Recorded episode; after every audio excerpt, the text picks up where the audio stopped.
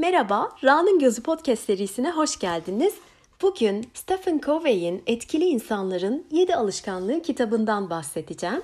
Başlıkta gördüğünüz gibi kitapta çok sevdiğim komik, mizahi bir bölümden başlayarak aktaracağım. O da etkisiz insanların yedi alışkanlığı. Sonrasında bu kötü alışkanlıklara panzehir olabilecek güzel şeyler nedir, fikirler nedir onları aktararak bölüme devam edeceğim.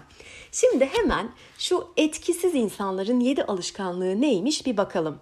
Birinci alışkanlık, reaktif ol. Tüm sorunlarınız için suçu berbat patronunuza, anne babanıza, genlerinize, eşinize, ortağınıza, eski sevgilinize, ekonomiye, hükümete ya da başka bir şeye atın. Kurban olun. Hayatınız için sorumluluk almayın. Açsanız yiyin, kızgınsanız bağırın. Biri size kaba bir söz söylerse siz de kabalaşın. Tepki gösterin. Yani kısaca diyor ki reaktif ol, etki tepki döngüsünde döndür. Evet, ikinci alışkanlık. Şimdiyi düşünerek işe başla. İleriye yönelik plan yapma, hedef belirleme, eylemlerinin sonuçları içinde endişelenme. Kendini akışa bırak, anı yaşa ve eğlenmene bak. Çünkü yarın ölebilirsin. Ne kadar da haklı. Üçüncü alışkanlık. Önemli işleri sona bırak. Ertele. Önce karşına çıkan her zil, çın çın ya da bip sesine cevap vermek gibi acil şeyleri yap. Önemli olanlara daha sonra bakarsın. İlişkilerini güçlendirmek konusunda endişelenme. Onlar hep orada olacaktır. Ayrıca egzersiz yapmak niye? Henüz sağlığın yerinde. Sadece her gün YouTube izlemeye yeterince zaman ayırdığından emin ol. Dördüncü alışkanlık. Kazan kaybet diye düşün. Hayatı ahlaksız bir yarış olarak gör. Herkes seni ele geçirmek peşinde. O yüzden önce sen onları ele geçir. Başkalarının başarılı olmasına izin verme. Çünkü unutma ki eğer onlar kazanırsa sen kaybedersin.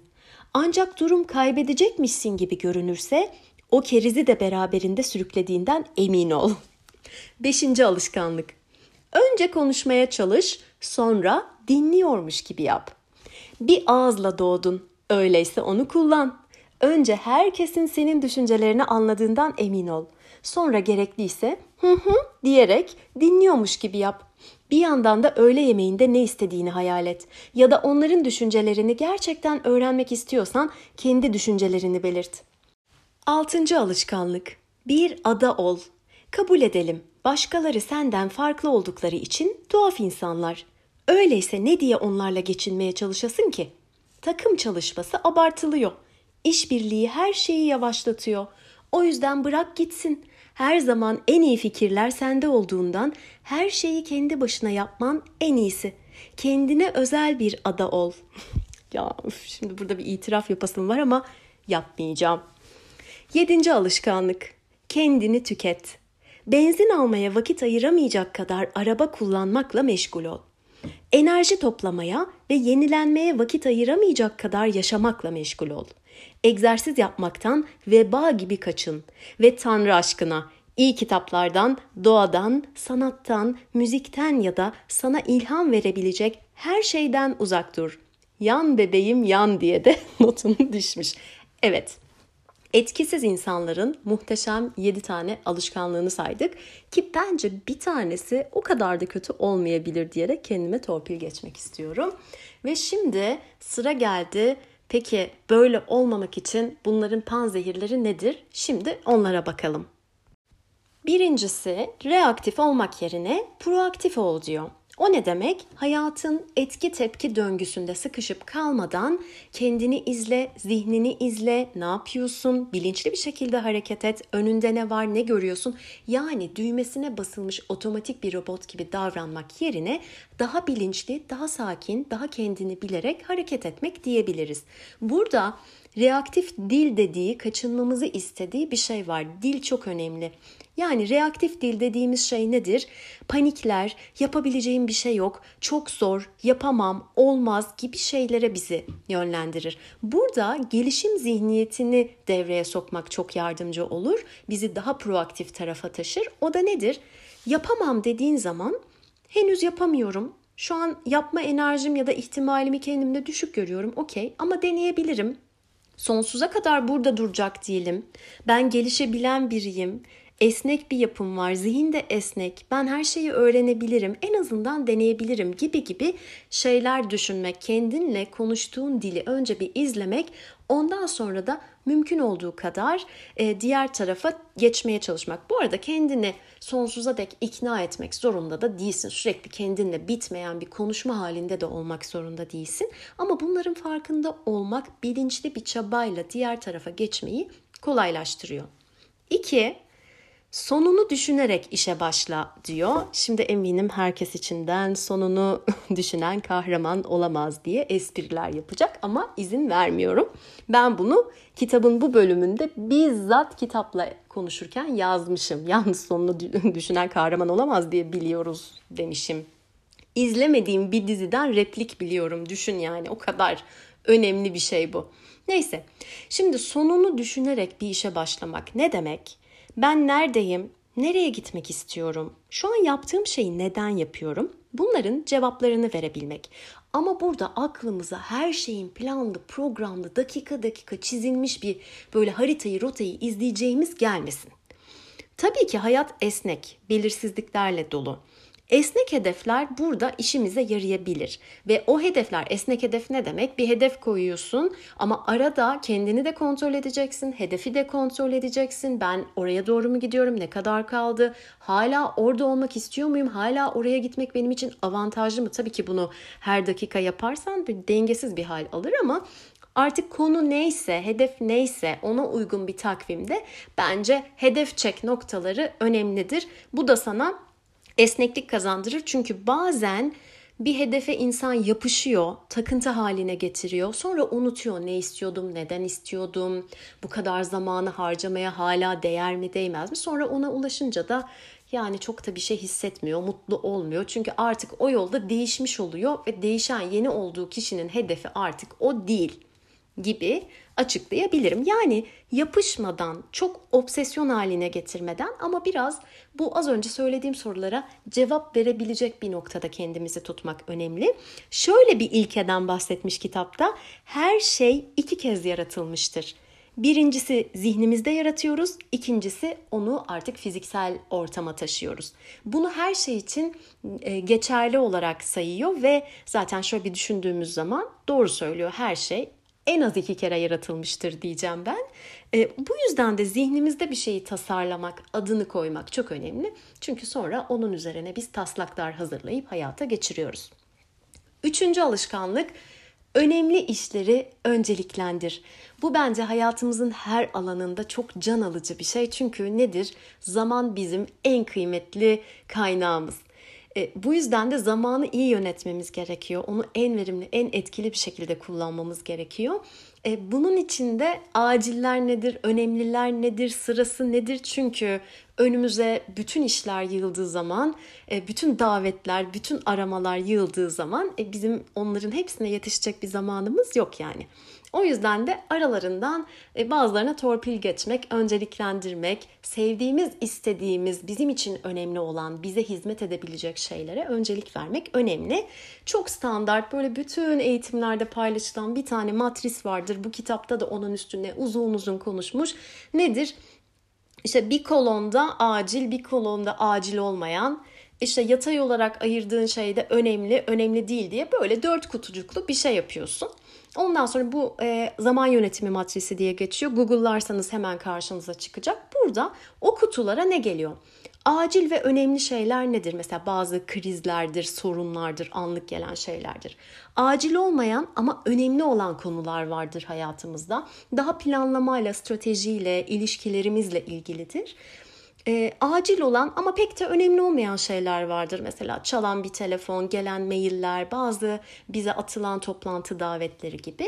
Hem acil olmayan hem önemli olmayan ıvır zıvır işler, bazı mailler, bazı telefonlar, görüşmeler vardır. Şimdi e, bunları kendi içinde böyle bir dökümünü çıkarırsak, bir bakarsak ya da önümüze gelen her işe bu etki tepki halinde reaktif bir şekilde cevap vermek zorunda hissettiğimiz anlarda bunu düşünürsek bir saniye şu an bu çok mu önemli? Şundan daha mı önemli yoksa sadece önüme geldiği için mi ben buna tepki veriyorum gibi özellikle ofis hayatında çokça karşılaşıyoruz. Sadece ofiste de olmak zorunda değil yani uzaktan da çalışırken böyle şeyler oluyor.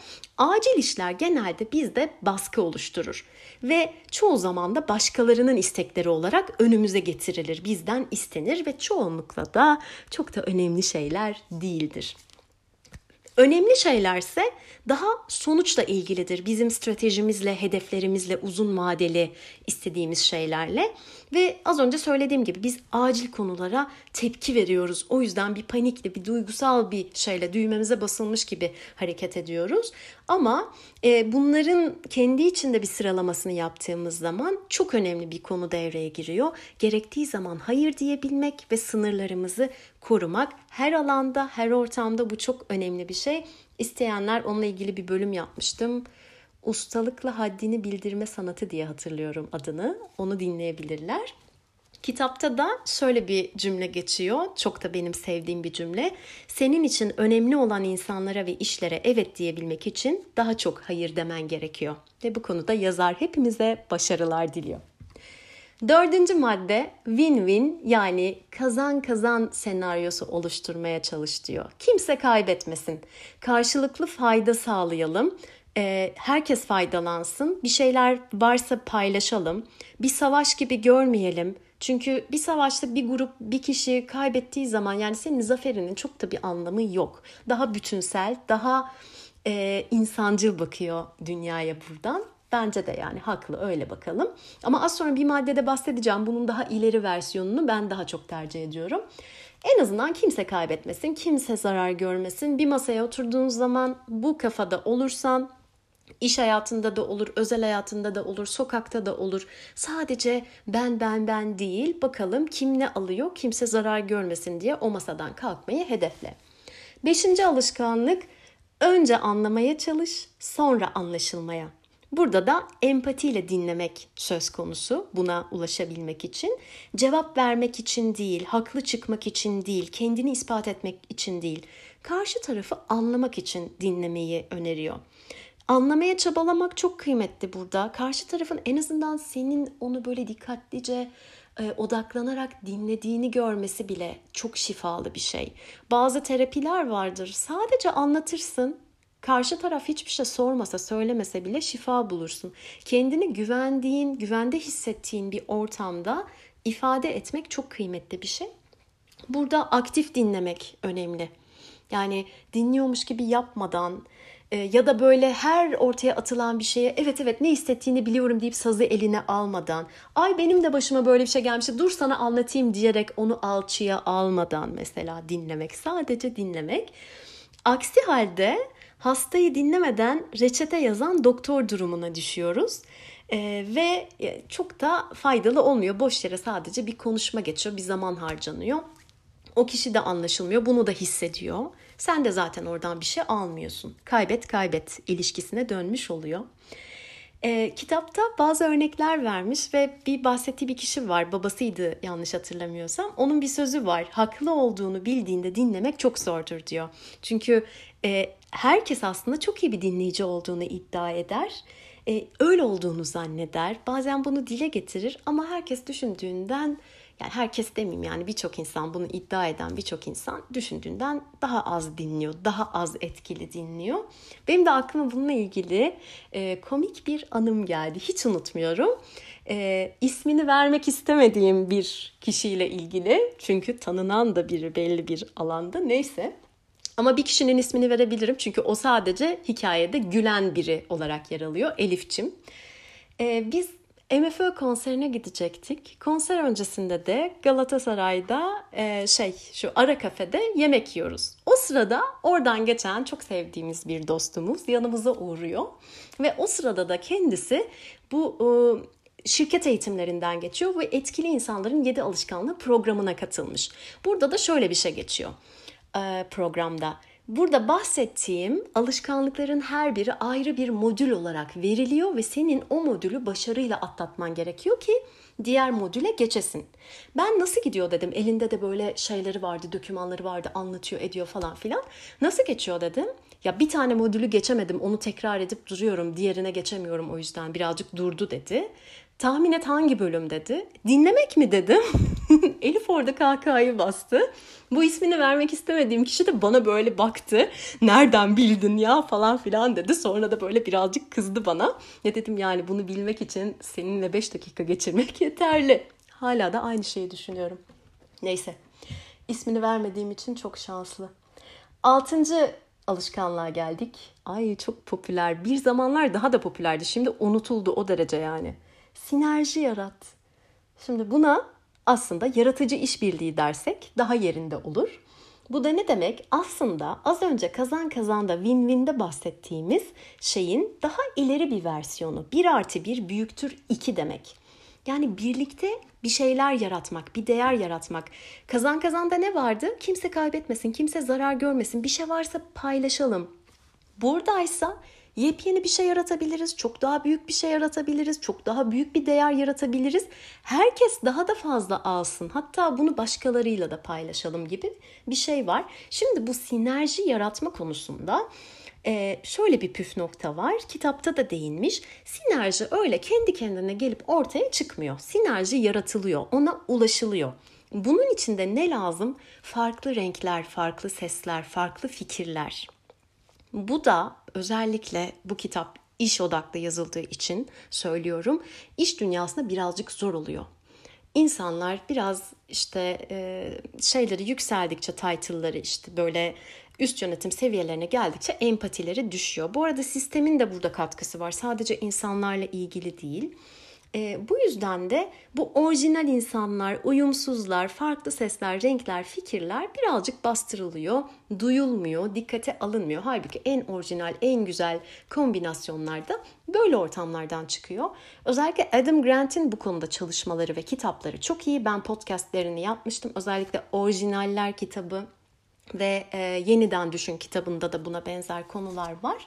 Şimdi birlikte bir değer yaratmak, yeni bir şey yaratmak, ortada olandan fazlasını, farklısını yaratabilmek için o farklı fikirlere, seslere kulak vermek gerekiyor. Kitapta bununla ilgili bazı öneriler var, egzersizler var.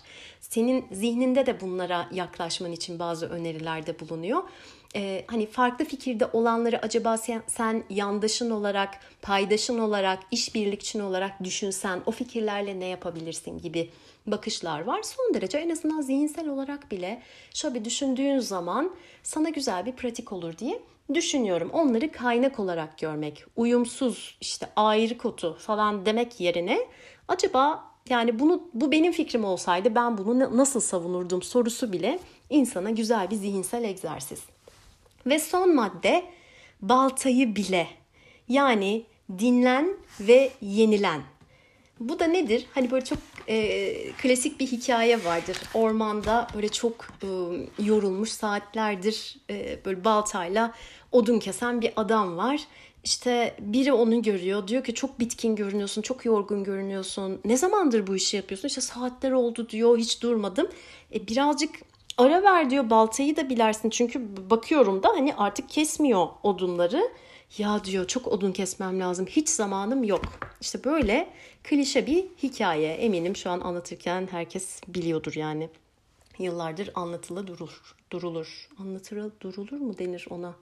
Şu an fiilleri karıştırdım. Neyse. Yani bu prensip bize ne söylüyor? Arada bir duracaksın, dinleneceksin, kendini yenileyeceksin. Bir iş, işe takılıp böyle kendini orada tüketmeyeceksin. Peki bu yenilenmenin, dinlenmenin boyutları nedir? Fiziksel tarafı var, işte egzersiz yapmak, beslenmeye dikkat etmek, uykuya dikkat etmek, stres yönetimini ele almak, ihtiyacın olduğu zaman bu konularda yardım almak. Zihinsel tarafı var. Zihnini zenginleştirmek, okumak, hayal etmek, bir şeyleri yazmak, çizmek. Sosyal duygusal tarafı var. İşte orada hizmet duygusu var, anlam bulmak var, empati var, sinerjiden enerji almak var. Ruhsal tarafı da daha böyle bizim e, ruhsal, spiritüel taraflarımızı besleyecek ritüeller. Artık neye inanıyorsan, dini inançların olabilir, bazı farklı inanç sistemleri olabilir, meditasyon olabilir. Neyse artık bunlara yeterli zaman ayırmak. Bunlar genel prensipler. Bunlar üzerinde herkes kendine göre çalışıp bir yollar bulabilir. Ama e, şöyle bir göz attığımız zaman bu etkisiz insanların yedi alışkanlığı ya da onlara panzehir olabilecek etkili insanların yedi alışkanlığı ne işimize yarar? En basitinden kendimize şöyle bir dönüp bakmamız, maddeleri sıraladıkça ben burada ne yapıyorum, nasılım, neye ihtiyacım var gibi soruları sormamız, sonra da içsel olarak onlara cevaplar üretmemiz açısından güzel bir zihinsel gözden geçirme olarak görüyorum diyerek bu bölümü burada bitiriyorum. Sonraki bölümlerde görüşmek üzere. Hoşçakalın.